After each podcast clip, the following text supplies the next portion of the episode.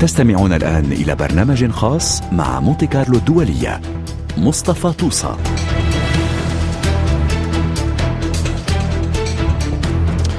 مستمعينا الأفاضل أهلا بكم جميعا أينما كنتم إلى هذا البرنامج الإخباري الخاص الذي سنخصصه لمحاولة تسليط الضوء وفهم خلفية العلاقات المتوترة بين فرنسا وبين الدول الإفريقية والتي تجسدت في السنوات الأخيرة بسلسلة من الانقلابات العسكرية كان عنوانها المشترك المطالبه بفك الارتباط الأمني والسياسي مع فرنسا. وجاءت الأحداث التي عرفتها دول مثل مالي، بوركينا فاسو والنيجر والتي قررت السلطات العسكرية الانقلابية وضع حد وضع فرنسا في قفص الاتهام وتحميلها مسؤولية تردي الأوضاع الاقتصادية والأمنية فيها. ومن ثم المطالبة برحيل الجنود الفرنسيين المتواجدين فيها للمشاركة في محاربة المجموعات الإرهابية التي تهدد أمن واستقرار منطقة الساحل. في هذا البرنامج الإخباري سنحاول أن نجيب على عدة تساؤلات تطرح بحدة. لماذا يستهدف الانقلابيون فرنسا بهذه القوة؟ وما هي الدول التي دخلت على خط المنافسة الدولية في الفضاءات الإفريقية وأنعشت موجة الحقد تجاه فرنسا. أين تتجه مصير أو يتجه مصير الحرب الدولية على الإرهاب في هذه المنطقة في ظل انسحاب القوات الفرنسية؟ وهل تملك هذه السلطات الانقلابية القوة والإرادة السياسية لمحاربة المجموعات الإرهابية أم أن هذه الدول تتجه نحو إنشاء تفاهمات إقليمية بينها؟ كيف تفرض هذه التطورات الخطيرة على فرنسا ضرورة إعادة إنتاج عقيدة دبلوماسية فرنسية جديدة تحافظ من خلالها فرنسا على مصالحها الحيوية؟ وما هي ملامح هذه السياسات والمقاربات الفرنسية الجديدة المحتملة؟ لمناقشة هذه المحاور وغيرها في هذا البرنامج الإخباري الخاص نستضيف كلا من الدكتورة سيلين جريزي وهي أستاذة جامعية في باريس ومتخصصة في الجيوبوليتيك. الأستاذ محمد كومات وهو رئيس مركز الدراسات The Big Decision في باريس والدكتور عماد الدين الحمروني أستاذ في الجيوغرافيا السياسية في العاصمة باريس. أهلا بكم جميعا ونبدأ بهذا السؤال المطروح حاليا. لماذا في رأيكم هذا الحقد الكبير والكثيف على فرنسا في إفريقيا؟ أبدأ معك الدكتورة سيلين. مرحبا بكم مرحبا متابعي الراديو وبالزملاء الأعزاء. هي ليست مسألة حقد إذا صح التعبير. بالنسبة لي هي مسألة تصحيح مسار بالدرجة الأولى. يعني التاريخ الفرنسي الإفريقي هو تاريخ أسود وحافل بمجموعة من المنعرجات السيئة. من وجهة نظري أنا لا أقول أن الخطأ فقط هو خطأ فرنسي لكن أيضا لو لم يكن لها أدرع داخل هذه الدول لما تمكنت من السيطرة أو من اجتثاث الثقافة الإفريقية إذا أصح التعبير. مسألة الحقد في هذه الفترة بالذات الوقت ليس اعتباطيا. يعني إحنا مرنا, مررنا خلال العشر سنوات الأخيرة, الأخيرة بمجموعة أو بموجة من المطالبات أو نهضة الشعوب إذا صح التعبير.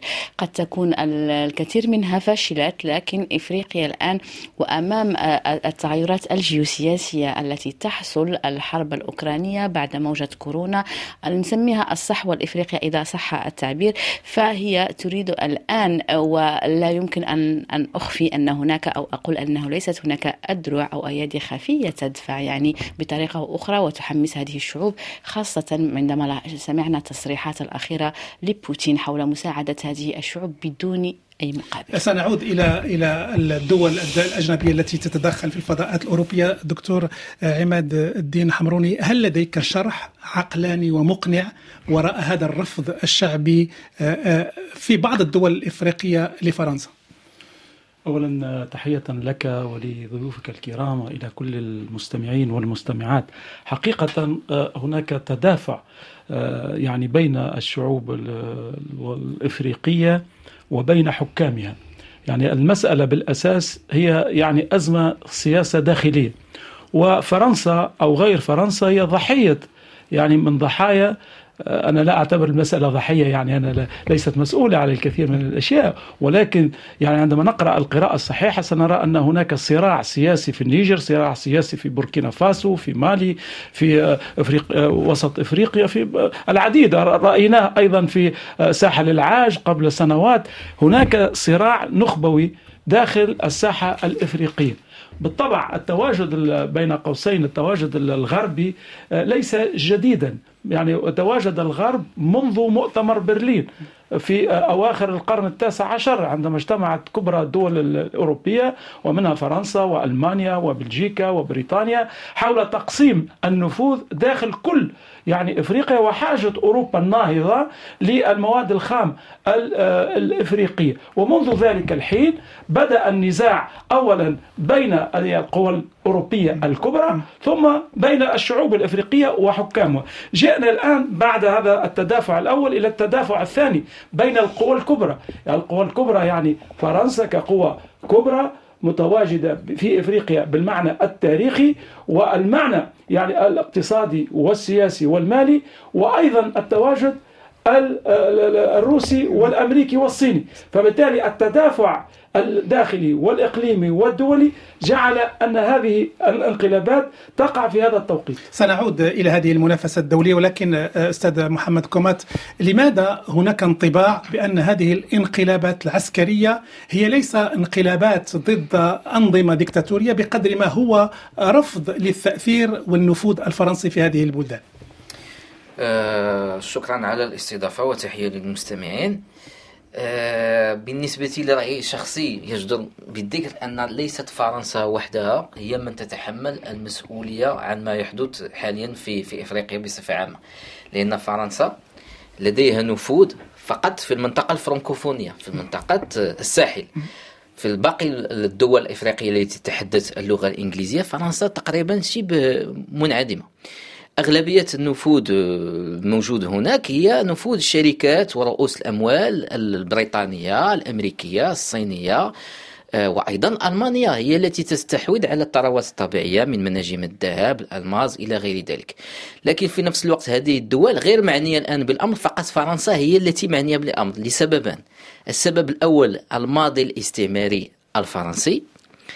السبب الثاني هو أن فرنسا كانت تاريخيا منذ خمسين سنة منذ أيام الجنرال دوغول قامت بإنشاء شبكة آه، فرانس أفريك التي كان يترأسها فوكار والتي كانت تقوم بالانقلابات في حال مثلا حدوث انقلاب على النظام وأن يصبح رئيس آخر غير موالي مثلا للسياسة الفرنسية. آنذاك فرنسا عن طريق أجهزة الاستخبارات وشبكة فرانس أفريك كانت تقوم بالانقلاب بينما الدول العظمى الأخرى التي كانت متواجدة في إفريقيا وهي متواجدة أيضا عن طريق شركاتها مثل ألمانيا وبريطانيا العظمى وإلى غيرهم لا كانت آه، تتعامل مع الجميع الجميع مع الانقلابيين ومع الرؤساء ومع الجميع ليس لديها مشكل. الآن فرنسا معنية بالأمر لأن كانت تقوم بالانقلابات. الآن حاليا لا يمكن لها أن تقوم بالانقلابات لأن الوضع تغير لأن الشعب حاليا يدعم الانقلاب. هذا ما رأيناه حاليا في مالي وفي النيجر أن حتى على المستوى العسكري دول مجموعة دول سيدياو ودول غرب إفريقيا لم تقوم بأي عملية عسكرية لأن ذلك فيها مخاطرة لأن الشعب النيجيري والشعب المالي والبوركينابي يدعم الانقلابيين. وانذاك يعني رأينا أن فرنسا في مأزق آه، فقط هناك نقطة واحدة لا أتفق مع الزميله عندما قالت أنه هناك نهضة. هذه ليست نهضة صراحة لأنه حرق العالم الفرنسي وفي نفس الوقت تثبيت العالم الروسي روسيا التي ليست أيضا دولة ديمقراطية ودولة يعني آه، تستغل النفوذ ويعني نظام فاسد.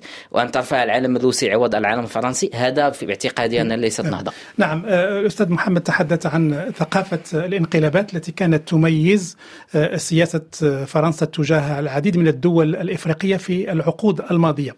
الآن هناك انقلابات جديدة ليس من إلهام آه، آه، فرنسا ولكن من إلهام بعض الدول الأخرى وهنا أصابع الاتهام مباشرة توجه إلى روسيا. دكتورة سيلين جريزي هل من المعقول أن نتصور أن هذه الدول تترك الحضن الفرنسي لترمي بنفسها في الحضن الروسي.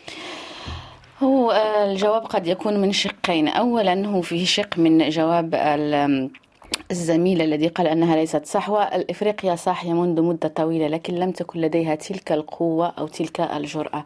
وأنت أجبت على النصف الثاني. هي تريد بكل ثمن الخروج من تحت العباءة الفرنسية. والدليل هو أن من قامت بالانقلابات هي المستعمرات الفرنسية السابقة وهي تطالب فقط برحيل فرنسا لم تطالب برحيل أمريكا. مثلا النيجر لديها قواعد عسكرية في في في في في, في النيجر. هناك مثلا قواعد من دول أخرى لكن لا تطالب إلا بفرنسا. هذه الرغبة هذا السحق. أنا أذكر التاريخ المرير بين فرنسا ومستعمراتها التاريخية. هي خرجت جسديا أو خرجت فعليا من هذه الدول لكنها لا زالت تتواجد إيديولوجيا اقتصاديا وحتى في في في في عروق ومفاصل الدولة وأدرعها الطاولة. الخروج من هذه الدول هو ضاق بها درعا. هي تحاول أن تبحث عن دول تحتضنها وحتى وإن كانت بالنسبة لها فرنسا هي الشيطان لكن أن تلتقي في النار أو كذا سترى بعد ذلك. نعم. هي هذه المشكلة الرغبة الآن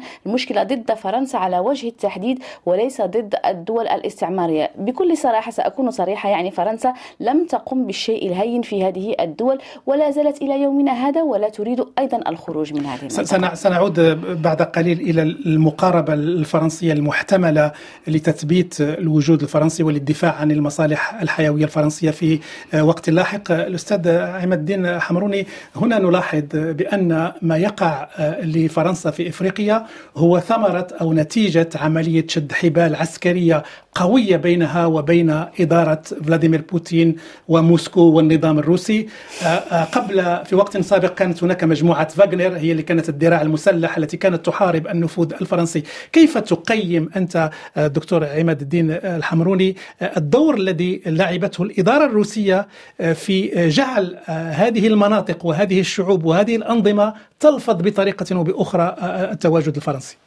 الحقيقة لا يجب أن نصور أنه ما يقع في أفريقيا هو صراع فرنسي روسي. هو أكبر من ذلك بالحقيقة. ولكن دعني أعود للتاريخ. الرئيس فرانسوا ميتيرون اعتبر أن الأمن القومي الفرنسي حدوده في الساحل الإفريقي. نحن نتكلم على معنى خطر استراتيجي الآن. يعني هناك خطر استراتيجي على أوروبا وعلى فرنسا. بمعنى أنه المس بهذا الخط يعني المس بهذا الخط بالمعنى إخراج القواعد العسكرية الفرنسية وإخراج النفوذ الفرنسي ليس معطى روسي فقط بل أنا أذهب إلى أكثر من ذلك. المعطى معطى أمريكي. فبالتالي الصراع الروسي الفرنسي بدأ منذ بعض السنوات. مثلا الرئيس ساركوزي كانت لديه مقاربة مخالفة لمقاربة الرئيس ماكرون والرئيس فرانسوا هولاند كان آه، يريد بناء ثقة ما بين الجانب الروسي والجانب الفرنسي ولذلك لم يستطع الرئيس ساركوزي آه، ضمان الترشح للدورة الثانية في الرئاسة لأن الرئيس ساركوزي كان يملك بعض الاستقلالية عن الموقف الأمريكي. ووجود المجموعة العسكرية فاغنر هو في الحقيقة أيضا هناك تداخل يعني بين الدولة العميقة الروسية التي ربما يترأسها الرئيس بوتين ولكن هي أكبر من الرئيس بوتين. ورأينا يعني الاختلاف البين ما بين ما تريده مجموعة فاغنر التي أرادت الوصول إلى موسكو. فبالتالي مجموعة فاغنر لديها مصالح اقتصادية أولا وتعاطت مع أنظم آه، في الحكم إفريقية دكتاتورية لصالح هذه النخب العسكرية. فبالتالي المعنى المعطى الأول للتدخل الروسي كان معطى اقتصادي وليس معطى سياسي. نعم. نعم وعلى ذكر الاقتصاد أستاذ محمد كومات يعني هنا نتحدث عن التدخل العسكري الروسي لكن هناك بعض الأوساط التي تشير إلى تدخل اقتصادي صيني مثلا هل للصين عبر اذرع اذرعها القوية الاقتصادية هل كان لها تأثير في تأليب بين قوسين الرأي العام الإفريقي على فرنسا؟ آه، الصين هي قوة ناعمة هي ليست لا تتدخل في إفريقيا وحاليا في آسيا على أساس قوة عسكرية. هي قوة ناعمة. مثلا تقوم تتدخل على هذه الكيفية تقوم ببناء مثلا آه، شبكة طرق طرق سيارة مطارات بنية تحتية بصفة عامة التي تكلف ملايين.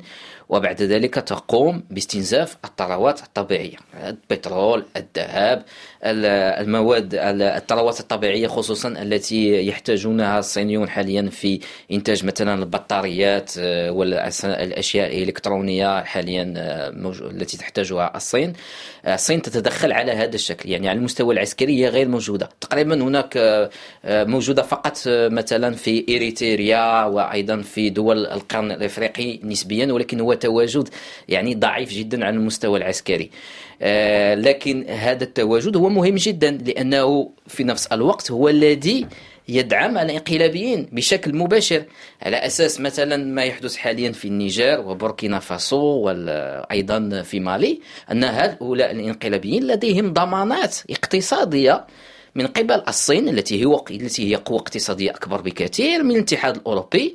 على أن هذا النظام سيستمر وهذا هو سبب استمرار هذا النظام وهذا هو السبب آه، أن أنه الانقلابيون مثلا في النيجر لم يترددوا في طرد السفير آه، الفرنسي والجيش الفرنسي لأنهم لديهم البديل والبديل أقوى بكثير من فرنسا والاتحاد الأوروبي بأكمله التي هي الصين على المستوى الاقتصادي وروسيا أيضا على المستوى العسكري. ثم بالنسبة لقضية ماكرون وفلاديمير بوتين عندما يعني فرنسا تقوم بدعم أوكرانيا وتوصل لها أسلحة بالمجان لكي تقصف بها روسيا. فماذا تنتظر؟ تنتظر الهدايا من قبل روسيا؟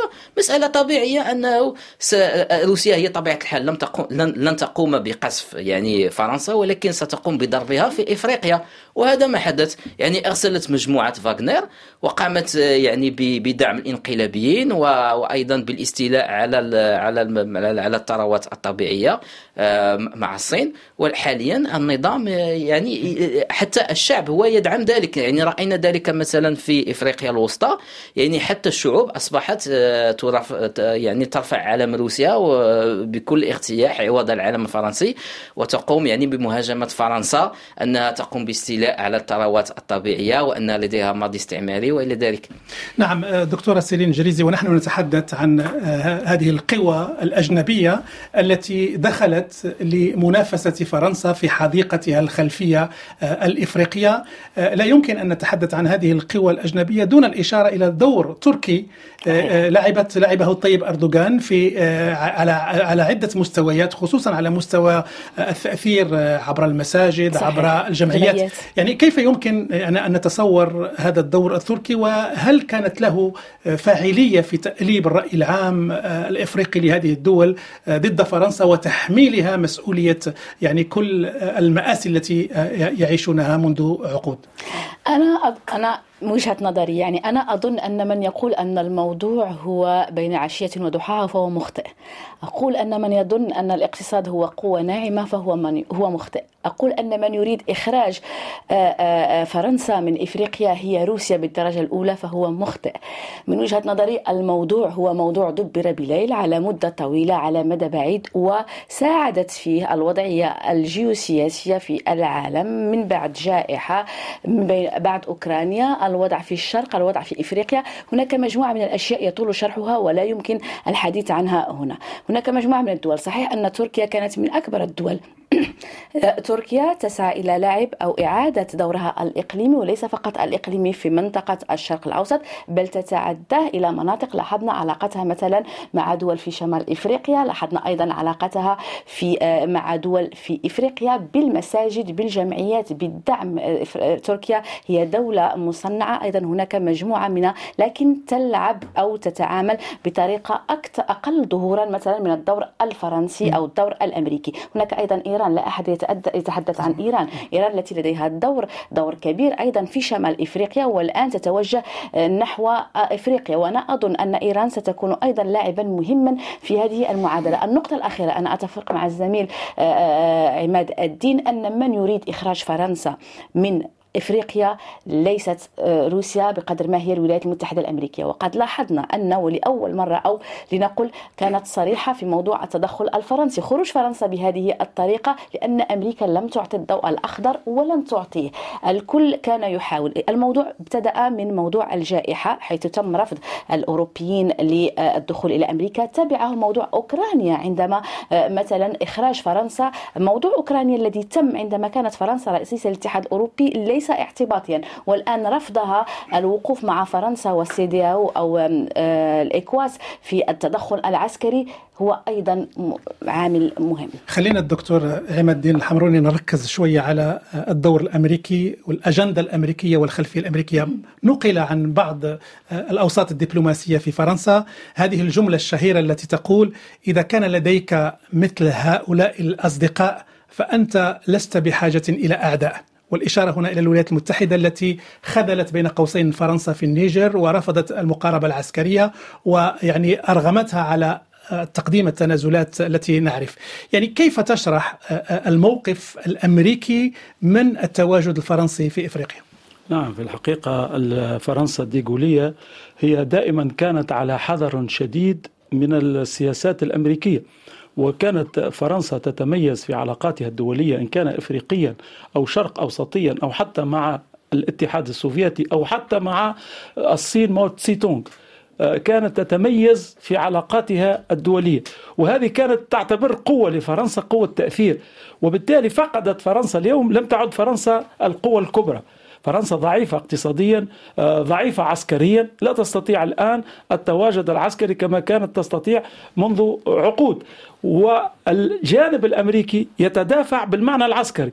ونحن نشاهد يعني منذ تقريبا ما قبل جائحة كورونا وأنا أظن أن جائحة كورونا هي جزء يعني من الاستراتيجية العسكرية الأمريكية.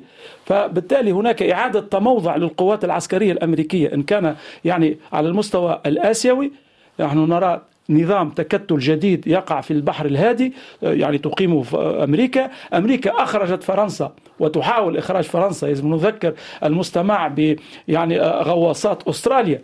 وكيف فقدت فرنسا يعني عقد عظيم وكبير. وفرنسا دولة يعني بحرية ودولة آه، متواجدة في الباسيفيك يعني عبر التاريخ. فأيضا أمريكا تريد إخراج فرنسا من هذا الحلف وأخرجتها. فبالتالي ما فعلته أمريكا في المحيط الهادي تفعله في المحيط الأطلنطي وتفعله في شرق البحر الأبيض المتوسط وهنا الخطر. بمعنى أن التموضع العسكري لهذه المنطقة منطقة الساحل الإفريقي بالمعنى الجغرافي هي يعني وكأنه نحن في ترددات زلزال في العلاقات الدولية. هذه المنطقة كما ذكرت منذ حين هي أمن قومي فرنسي. يعني نحن سنرى قلاقل شديدة الآن ستقع.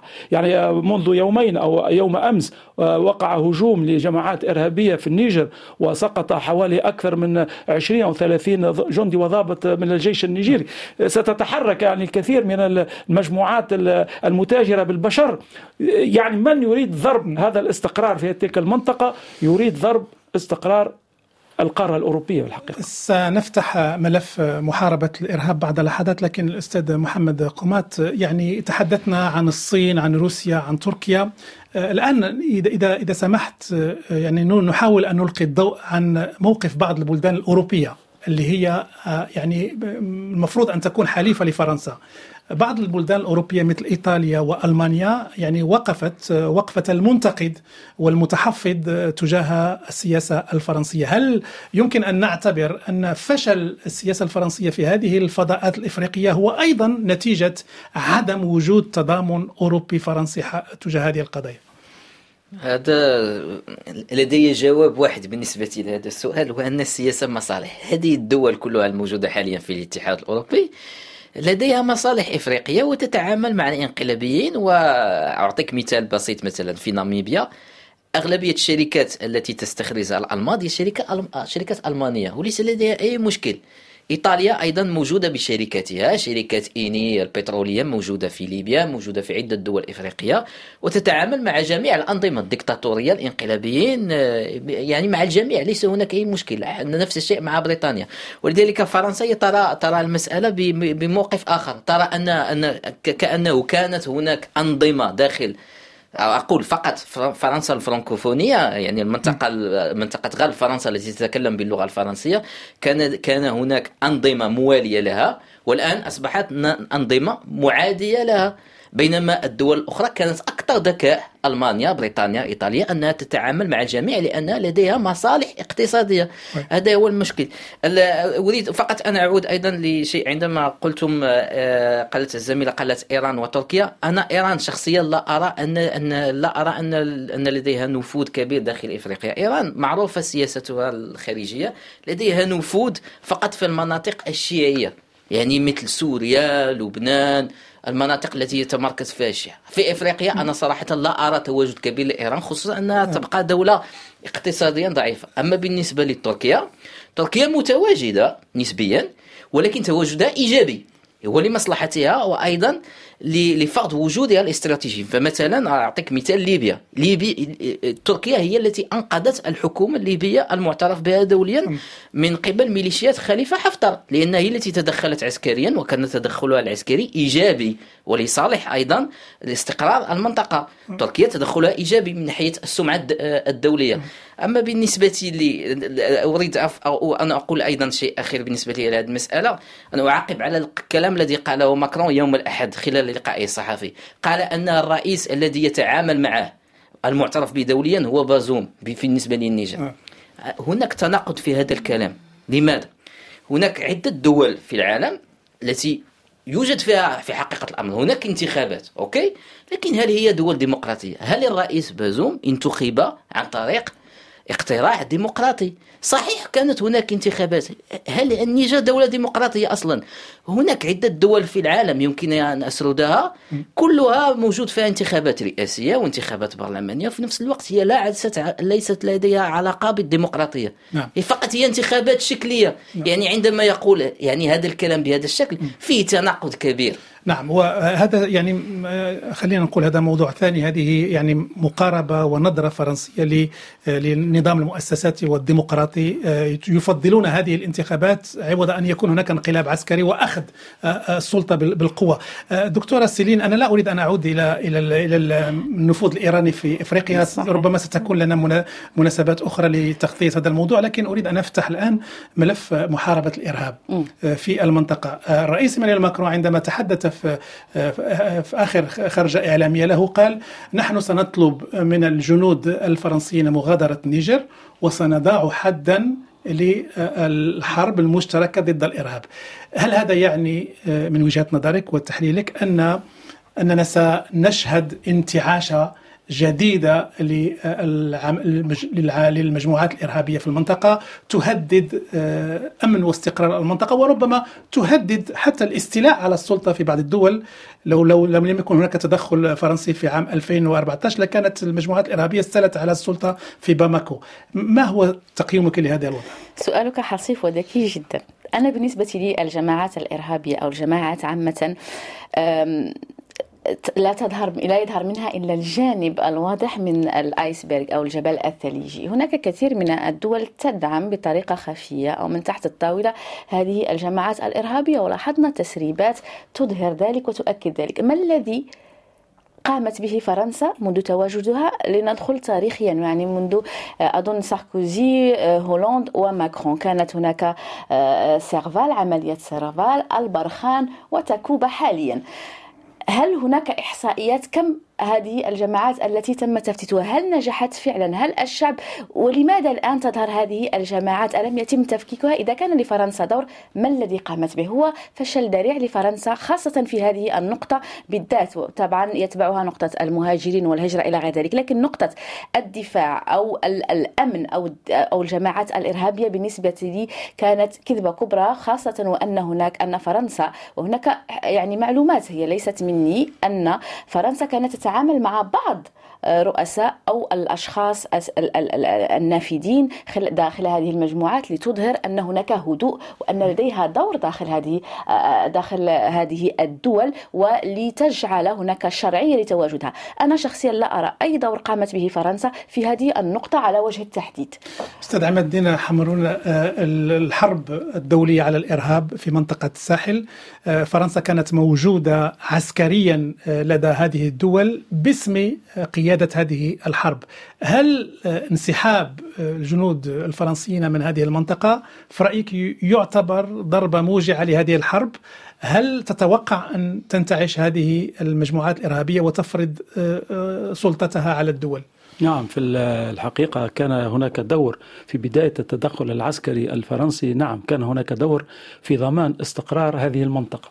ولكن للأسف السياسات الداخلية وسياسات بعض يعني المسؤولين الفرنسيين آه، جعلت أن هذه العملية العسكرية تفشل كما تفضلت الأستاذ. لكن بالمعنى يعني التكتيكي على الأقل لأن يجب أن ندرس كيف وقعت هذه العمليات في أي منطقة لأن السوسيولوجيا سوسيولوجيا المنطقة هذه كما تفضل الأستاذ يعني لا, لا, لا يوجد عقلية ديمقراطية. يعني شو عقلية ديمقراطية؟ هناك انقسامات قبلية هناك انقسامات إثنية. آه، يعني هي منطقة تعرفها جيدا فرنسا منذ قرنين من الزمن. تعرفها الخبيث الأكبر هي بريطانيا. يعني يجب أن ندرس من يعني قطع أفريقيا من قطع أوصال آه، الإمبراطورية المالية. الإمبراطورية المالية إمبراطورها يعتبر إلى حد هذه الساعة أغنى رجل في العالم. يعني كان هناك حضارة في مالي وفي منطقة الساحل ومنطقة غرب إفريقيا. فبالتالي مقاومة الإرهاب العنوان كبير ولكن هناك يعني مطالب شعبية حقيقية لبعض القبائل لبعض الإثنيات وأيضا هناك استعمال للأداة يعني هذه الجماعات تستغل من طرف جماعات تهريب البشر. مثل ما صرحت به الاتحاد الأوروبي وصرح به الرئيس ماكرون. وقاله أيضا الرئيس فرانسوا هولوند قبل يعني هناك جماعات منتظمة في كل هذه المنطقة. هذه منطقة شاسعة جدا. يمر منها السلاح يمر تمر منها المخدرات تمر منها يعني ال ال ال الإرهابيون. فالعملية العسكرية في بداياتها كانت ناجحة. ولكن المشاكل الاقتصادية وأعود هنا إلى المسألة الاقتصادية. هناك مسألة اقتصادية وضائق اقتصادية ومالية كبيرة على الميزانية الدولة الفرنسية. لم تستطع الدولة الفرنسية يعني الميزانية تتحمل لا تستطيع أن تتحمل تواجد العسكري في أفريقيا. لماذا؟ لأن هناك حرب في أوكرانيا. يعني المنطقة الحروب تبدلت تغيرت. فلا بد من الاستعداد إن كان أمد الحرب في أوكرانيا. سيطول أم لا؟ فبالتالي مسألة الذخيرة مسألة المعدات العسكرية مسألة الضباط والجنود يعني هناك مسألة تقنية أيضا في التواجد العسكري. ولكن دعني أقول أن فرنسا عائدة إلى هذه المنطقة. لماذا؟ لأن يعني لا تستطيع فرنسا الخروج بالكلية من هذه المنطقة. وهذه الشعوب لا تستطيع الصمود. نعم الصين قد تدعم مالي والنيجر ولكن لا تستطيع أن تدعمها إلا بإذن أوروبي وإذن فرنسي. لأن الساحة الأوروبية هي ساحة اقتصادية للصين. فإذا ضعفت أوروبا ضعفت الصين. س... ولذلك نرى الحرب الأوكرانية التي يعني أرادت منها الولايات المتحدة الأمريكية والكتلة الأنجلوساكسونية يعني ضرب وإفشال الاتحاد الأوروبي. سنتساءل بعد قليل حول هذه حول ملامح الاستراتيجية الفرنسية الجديدة آه، للحفاظ والدفاع عن المصالح الحيوية في إفريقيا. لكن دعنا فقط آه، نركز آه، نوعا ما عن دول المغرب العربي. دول المغرب العربي جزء من إفريقيا وإذا كانت هناك علاقة يعني سلبية بين فرنسا وهذه الفضاءات منطقة الساحل ودول غرب إفريقيا. هناك أيضا علاقات متوترة بين فرنسا إيمانويل ماكرون وهذه العواصم المغاربية. إلى ماذا تعزو هذا التوتر في رأيك الأستاذ محمد كومان؟ في نظري الذي يتحمل مسؤولية كاملة كاملة هي السياسة الخارجية لمانويل ماكرون. لأنه في نفس الوقت آه، إذا رأيت سياسته الخارجية يعني منذ العهدة الأولى والآن نحن في سنة 2023 آه، تقريبا آه، إيمانويل ماكرون يعني خلق مشاكل مع عدة دول في العالم وليس فقط في إفريقيا ودول المغرب العربي. لديه مشكل مع أمريكا أيام دونالد ترامب مشكل مع بريطانيا العظمى مع المهاجرين والبريكسيت مشكل مع أستراليا الغواصات. كان يبيع الأسلحة للمملكة العربية السعودية التي كانت يعني تقتل بها اليمنيين. آه، أيضا كان كان لديه مشكل مع الإمارات بخصوص بيع الأسلحة. مع ليبيا عندما كان يساند ميليشيا حفتر مع تونس في قضية المهاجرين مؤخرا مع جورجيا ميلوني مع إيطاليا في قضية المهاجرين. آه، وأيضا الشيء الغريب الغريب يمكن وصفه بالغرابة هو أنه لديه مشاكل كبرى مع الجزائر ومع المغرب في نفس الوقت. يعني يعني يعني منطقيا لا يمكن أن تكون لديك مشاكل مع المغرب والجزائر في نفس الوقت مع العلم أن الدولتان هم يعني في يعني لديهم نظامان آه، متناقضان نعم. نسبيا نعم. يعني كان بالاجدر إذا كنت يعني كانت لديك علاقات جيدة مع الجزائر على الأقل أن تترجمها على أرض الواقع الآن حاليا لدي علاقات سيئة مع مع الدولتين بصفة عامة نعم. هذا هذا مشكل كبير لكن في نظري الشخصي عندما نقارن سياسته الخارجية مع اليمين الفرنسي أيام ساركوزي وشيراك آه، كانت الأمور يعني تسير بطريقة آه، معقلنة بحيث أنه حتى وإن كانت هناك مشاكل يكون هناك توازنات بين الجزائر المغرب وتونس على مستوى المغرب العربي والعلاقات تبقى جيدة والمصالح تبقى هي الأولى لأن السياسة هي مصالح. الآن الوضع تغير. بالنسبة لفرنسا وفرنسا هي لم تجاري هذا الوضع. الوضع تغير لأن هناك أمريكا روسيا الصين دخلت على الخط بحيث أن المغرب مثلا أصبح آه، يعني قريب للجانب الأمريكي هو اللي يحتاج حاليا حتى لفرنسا بالنسبة للقضايا الداخلية.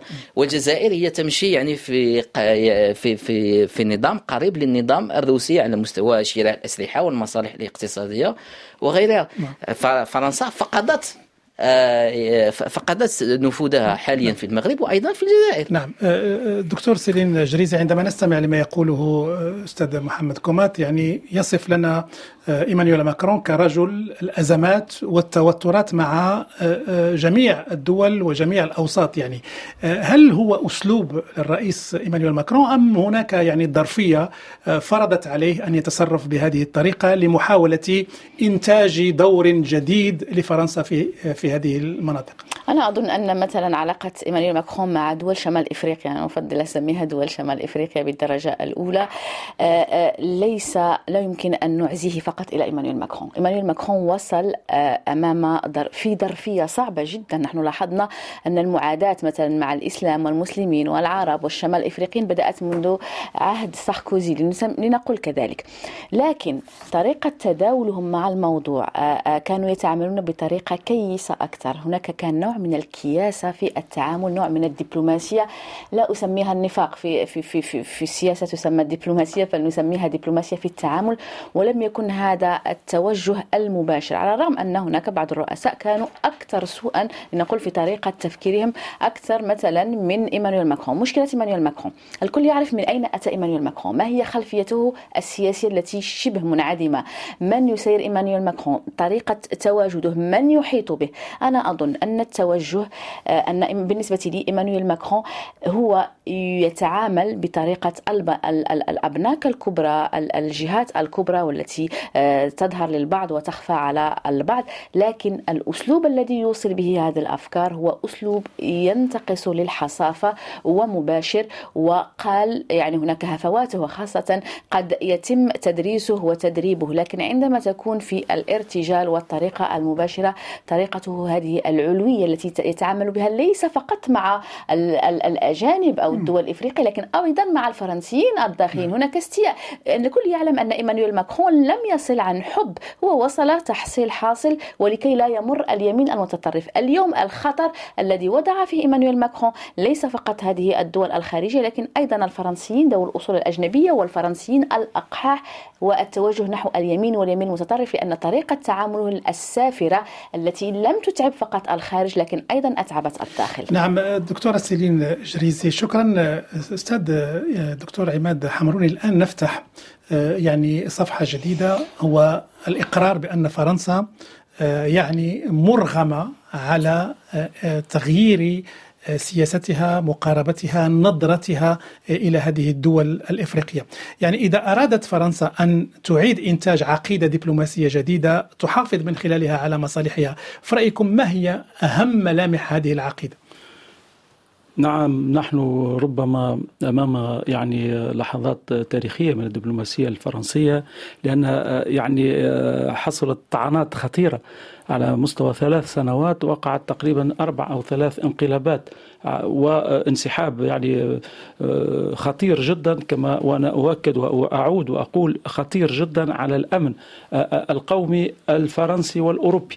ليس فقط بالمعنى الاقتصادي العلاقات الاقتصادية الفرنسية الإفريقية يعني لا, تتعدى 10% ويعني كيف نعيد قراءة يعني وتقييم الأخطاء الكبرى التي وقعت بها فرنسا منذ عهد الرئيس فرانسوا هولاند يعني منذ عهد الرئيس فرانسوا هولاند بدأت تتراجع الدبلوماسية الفرنسية على الداخل الأفريقي والداخل العربي أيضا لأن المنطقة هي منطقة واحدة وتتأثر.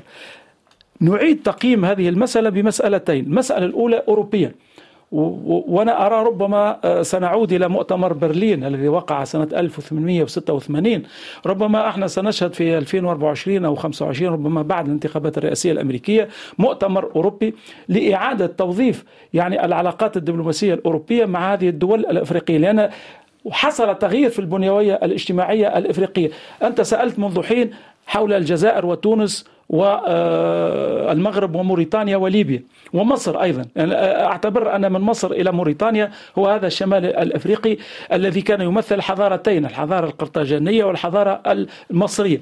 هذه الدول بنيويته الاجتماعية تغيرت نخبها تحررت. أصبحت لديهم علاقات مهمة مع روسيا مع الصين مع الولايات المتحدة الأمريكية الآن نشهد حضور أمريكي كبير جدا في الجزائر حضور أمريكي في تونس حضور أمريكي وإسرائيلي في المغرب. هذه تحولات جوهرية يعني يجب القارئ الدبلوماسي الفرنسي يضعها في الحسبان. يعني الطريقة التي ينظر إليها الدبلوماسية تنظر إليها الدبلوماسية الفرنسية هي للخارج باهتة. لماذا؟ لأن كما تفضل الأستاذ منذ حين في بداية حديثه تكلم على فرنسا أفريك. يعني كانت هناك مؤسسة داخل الإليزي تهتم في العلاقات الخاصة مع الشعوب ومع الحكومات ومع المنظمات والشخصيات الثقافية والدينية والاقتصادية والمالية والعسكرية.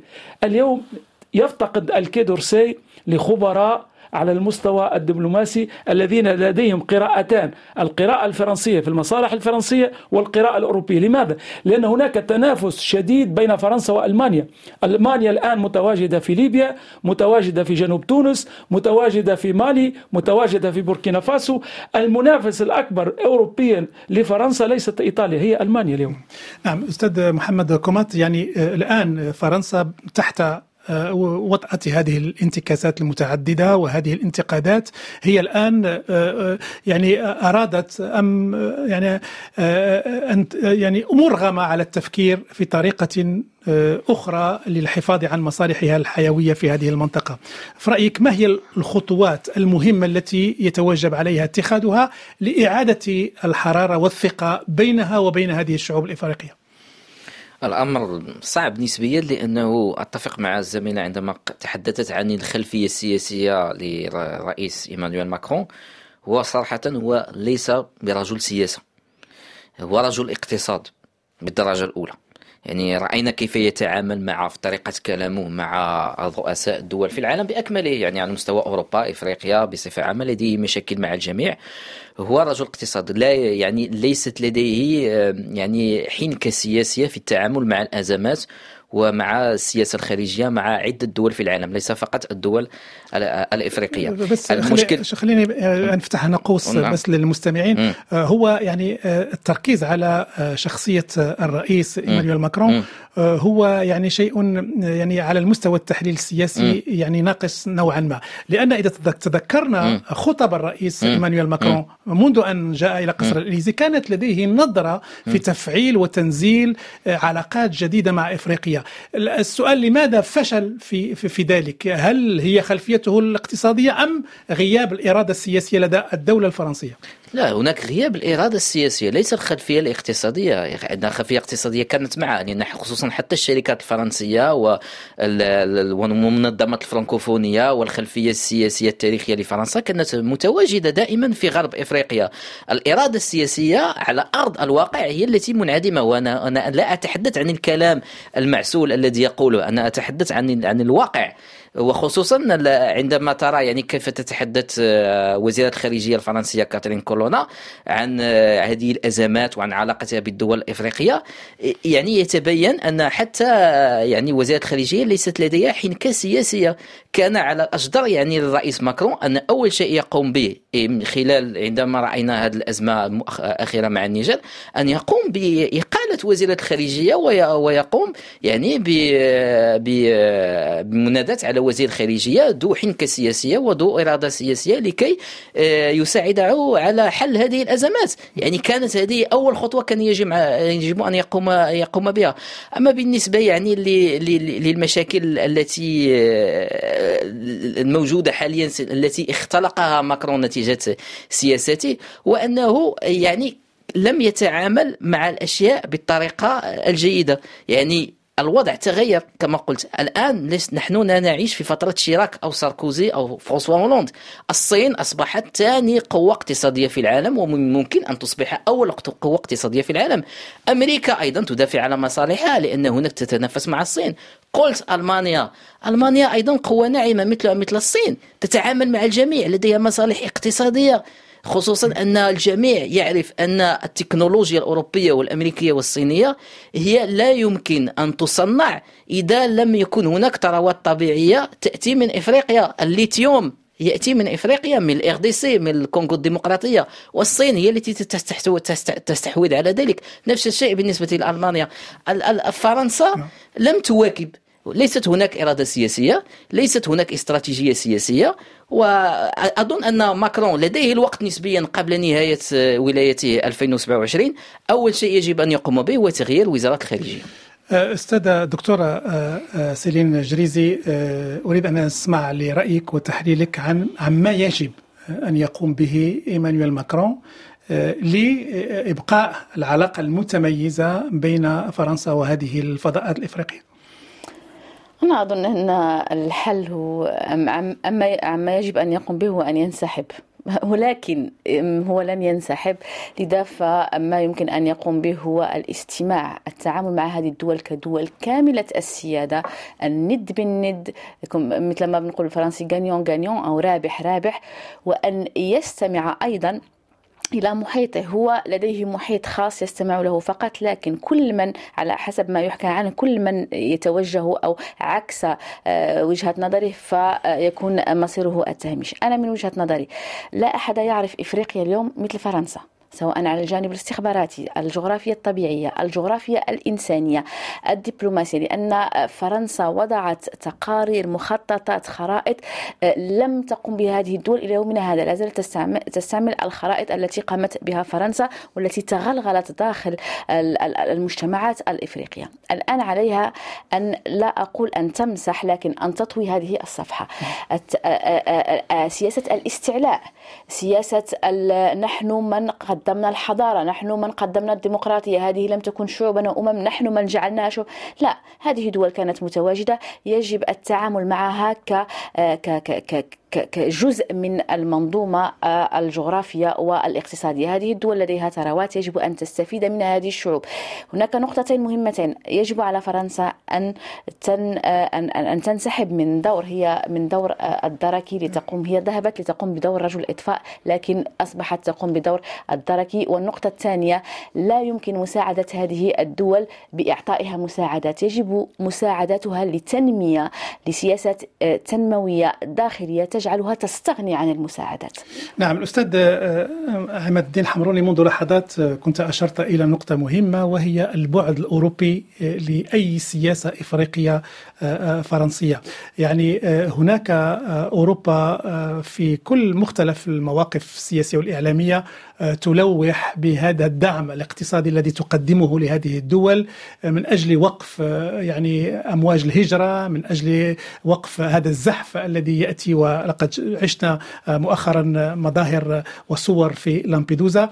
يعني هل تعتقد بأن فرنسا في آخر المطاف لكي تبقى كلمتها مسموعة على مستوى الدولي والإفريقي قد تلجأ إلى هذه الآلية الأوروبية التي هي في حد ذاتها تملك يعني وسائل ضغط اقتصادية وسائل ضغط ووسائل إغراء اقتصادية لهذه الدول من أجل إعادة صياغة هذه العلاقات مع الفضاء الإفريقية التي فقدتها فرنسا حتى نعم الساعة. نعم أحسنت في التوصيف.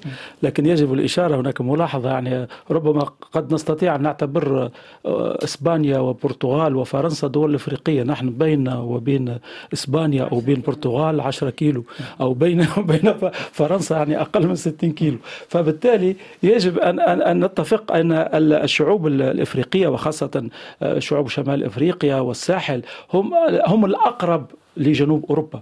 يعني نحن أقرب من جنوب أوروبا يعني جنوب أوروبا حتى بالمعنى الجيني في الجينات لدينا نفس الجينات ونفس الحضارة. فبالتالي هذا هذه الضفة الجنوبية والضفة الشمالية ضفتان مهمتان في التغير والتبدل والتحول الحضاري. يعني التحول والتبدل والاستبدال والتحول الحضاري. المجموعة الأوروبية اليوم يجب أن تستيقظ. وهي تستيقظ بشكل يعني أليم وهو الزحف الإفريقي الأسمر والأبيض. وهذا الزحف الإفريقي هو زحف طبيعي بمعنى هناك مشاكل سياسية انقلابات عسكرية هناك مشاكل مجاعات واقتصاد تغير في المناخ هناك مشاكل في الحروب بالجماعات الإرهابية فبالتالي ستؤدي إلى الزحف الإفريقي. هذا زحف سيستمر. الآن ما هي الحلول؟ الحلول لن تكون إلا أوروبية. هل نستطيع أولا تجديد الخطاب السياسي الفرنسي؟ نحن نرى للأسف لا.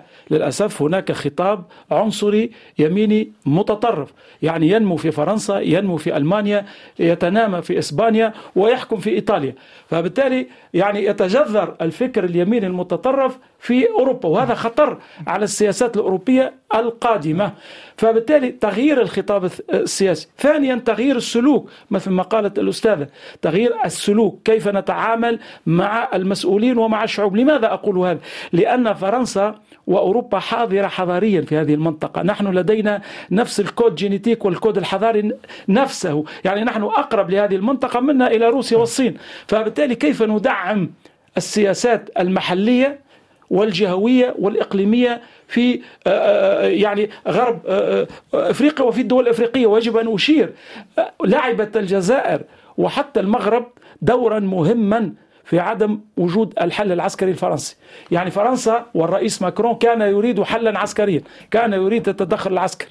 ولكن من يعني أجهض التدخل العسكري إقليميا هي الجزائر والمغرب دوليا هي الولايات المتحدة الأمريكية.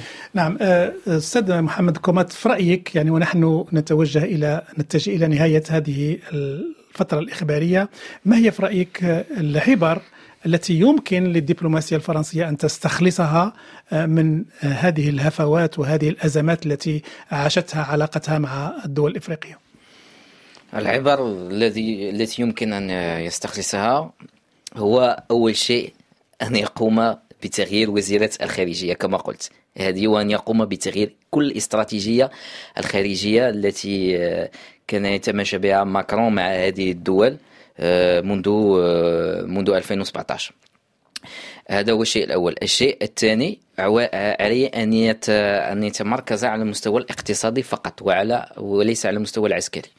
بحيث الجنود الفرنسيين القواعد العسكرية الفرنسية يجب أن تغادر. لماذا؟ لأن الشعوب حاليا لا تريد أن تواجدها. عليه أن أن أن يركز فقط على المسائل الاقتصادية بحيث أن هناك مثلا شركات كبرى فرنسية ستبقى متواجدة في هذه الدول. يعني لأنه ليس هناك أي حل آخر. مثلا شركة أورانو التي تستغل الأورانيوم ستبقى موجودة.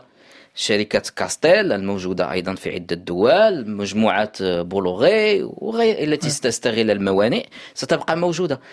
الآن ماكرون عليه أن يعترف بالإنقلابيين يعني ك يعني ك ك ك كحكومة مؤقتة وعليه أن يظهر أنه سيساعد هذه الدول على كيف يعني بطريقة أو بأخرى ولو ليست بطريقة ديمقراطية كي تتجاوز هذه المحنة وأن يساعد اقتصاديا وأن لا يركز على المسائل الديمقراطية لأن السياسة هي مصالح. ثم الشيء الأخير الذي أريد أن أقوله هو أنه يجب أن يأخذ كل دولة على حدة بحيث أن مثلا النيجر مالي بوركينا فاسو ليست هي المشكل حاليا الموجود مع المغرب والجزائر. الكل يعرف المشكل المغرب والجزائر المسألة متعلقة بقضية الصحراء. نعم. okay. بينما مالي بوركينا فاسو والنيجر مسائل أخرى متعلقة بالنفوذ الصيني الروسي الانقلابات أستاذة الدكتورة آه، سيلين جريزي هل في رأيك آه، تهدئة الخواطر تهدئة الأوضاع آه، الابتعاد عن هذه العاصفة يمر حتما عبر الاعتراف بهذه الأنظمة الانقلابية؟ سؤال صعب لكن يمر على الأقل تحاشي نعتها بالانقلابية أو التعامل معها على ذلك على هذا الأساس. المشكلة هنا هو هل هذه الأنظمة فعلا هي إرادة هذه الشعوب أو هي إرادة دول ثانية أو آه، لاعبين آخرين دخلوا على هذه السياسة؟ فعلى الأقل على فرنسا في الوقت الحالي أن تقوم باستراحة محارب أن تفهم أنها لا يمكنها أن تستمر في التعامل بهذه الطريقة وأن آه، آه، أن يعني لا يمكنها أن أن تعنف آه، كل من يخالفها في الرأي. أما مسألة الاعتراف بذلك قد يجعلها أيضا في موقف لا تحسد عليه يجب عليها الآن النأي بالنفس وعدم التدخل على الأقل في الفترة الحالية فيما يتعلق بالدول الإفريقية. بعدها لكل حادث حديث وأظن أن مسألة المفاهمات والتعامل مع الجغرافيا البشرية قبل الجغرافيا الطبيعية في هذه البلدان واحترام شعوبها قد يكون آه، يعني آه، رغم أن هناك نوع من السكيزوفرينيا يعني فرنسا تطالب بالخروج من إفريقيا ولكن آه، السفارات الفرنسية ملأة بالطلبات الفيز. لكن وهذا, وهذا يجرني أستاذ عماد حمرون إلى أن بالرغم من أن هناك رفض للتواجد العسكري الفرنسي في هذه الفضاءات الإفريقية. هناك إعجاب واستقطاب يمارس على القوة الناعمة الفرنسية. الصورة التي تحدثت عنها الدكتورة سيلين جريزي أن حلم يعني معظم الشباب المغاربة أو الإفريقيين هو أخذ فيزا للمجيء إلى أوروبا. يعني كيف يمكن لفرنسا أن تفعل هذا الاستقطاب استقطاب قوتها الناعمة من أجل الدخول في مرحلة جديدة وإقامة علاقات يعني إيجابية مع هذا الشباب الناقم حاليا على فرنسا. نعم في الحقيقة نحن في حاجة إلى مؤتمر إفريقي أوروبي يرفع كل الالتباسات ويعيد تقييم المرحلة وندخل معا نحن شركاء الأفارقة والأوروبيون شركاء في المصير. يعني لدينا مصير واحد إذا ضعفت أوروبا ضعفت إفريقيا وإذا قويت إفريقيا ستقوى أوروبا. لكن كيف؟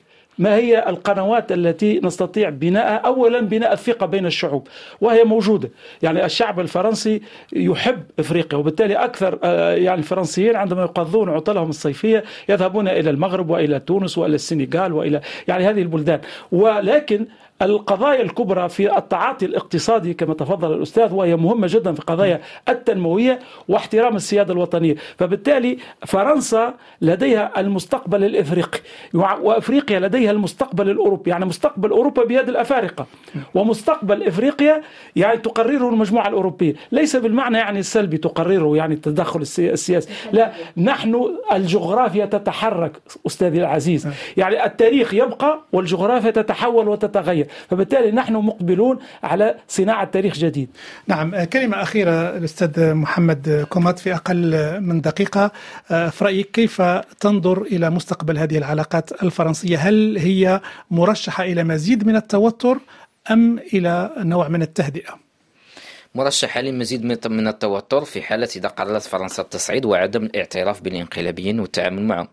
في ولكن في الجانب المقابل إذا قررت فرنسا أن تغير سياستها الخارجية وأن تعترف بالانقلابيين وتتعامل معهم على أساس أنها حكومة معترف بها وأن تساعد هذه آه، الحكومات يعني في في المستقبل وأن تركز على الجانب الاقتصادي والتنموي بذلك لا الأمور ستكون إيجابية لصالح فرنسا آه. وأنا أقول إيجابية من الجانب الاقتصادي لأن ما يهم فرنسا حاليا هي ليس ما يقع في إفريقيا على المستوى السياسة مصالحها الاقتصادية نعم. نعم. هناك من يجيبك أستاذ محمد كومات أن الاعتراف الاعتراف بالانقلابيين هو إعطاء هدية لكل من يستعمل القوة للاستيلاء على السلطة. وبهذه الفكرة نصل إلى نهاية هذا البرنامج الإخباري الخاص.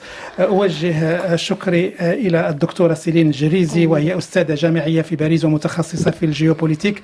الشكر أيضا موصول للأستاذ محمد كومات رئيس مركز رئيس مركز الدراسات Big Decision في باريس.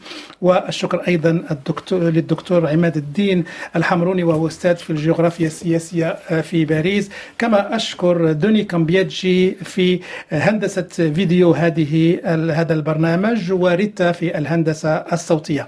تقبلوا تحية مصطفى توصى من إذاعة مونتي كارلو الدولية. إلى مناسبة أخرى.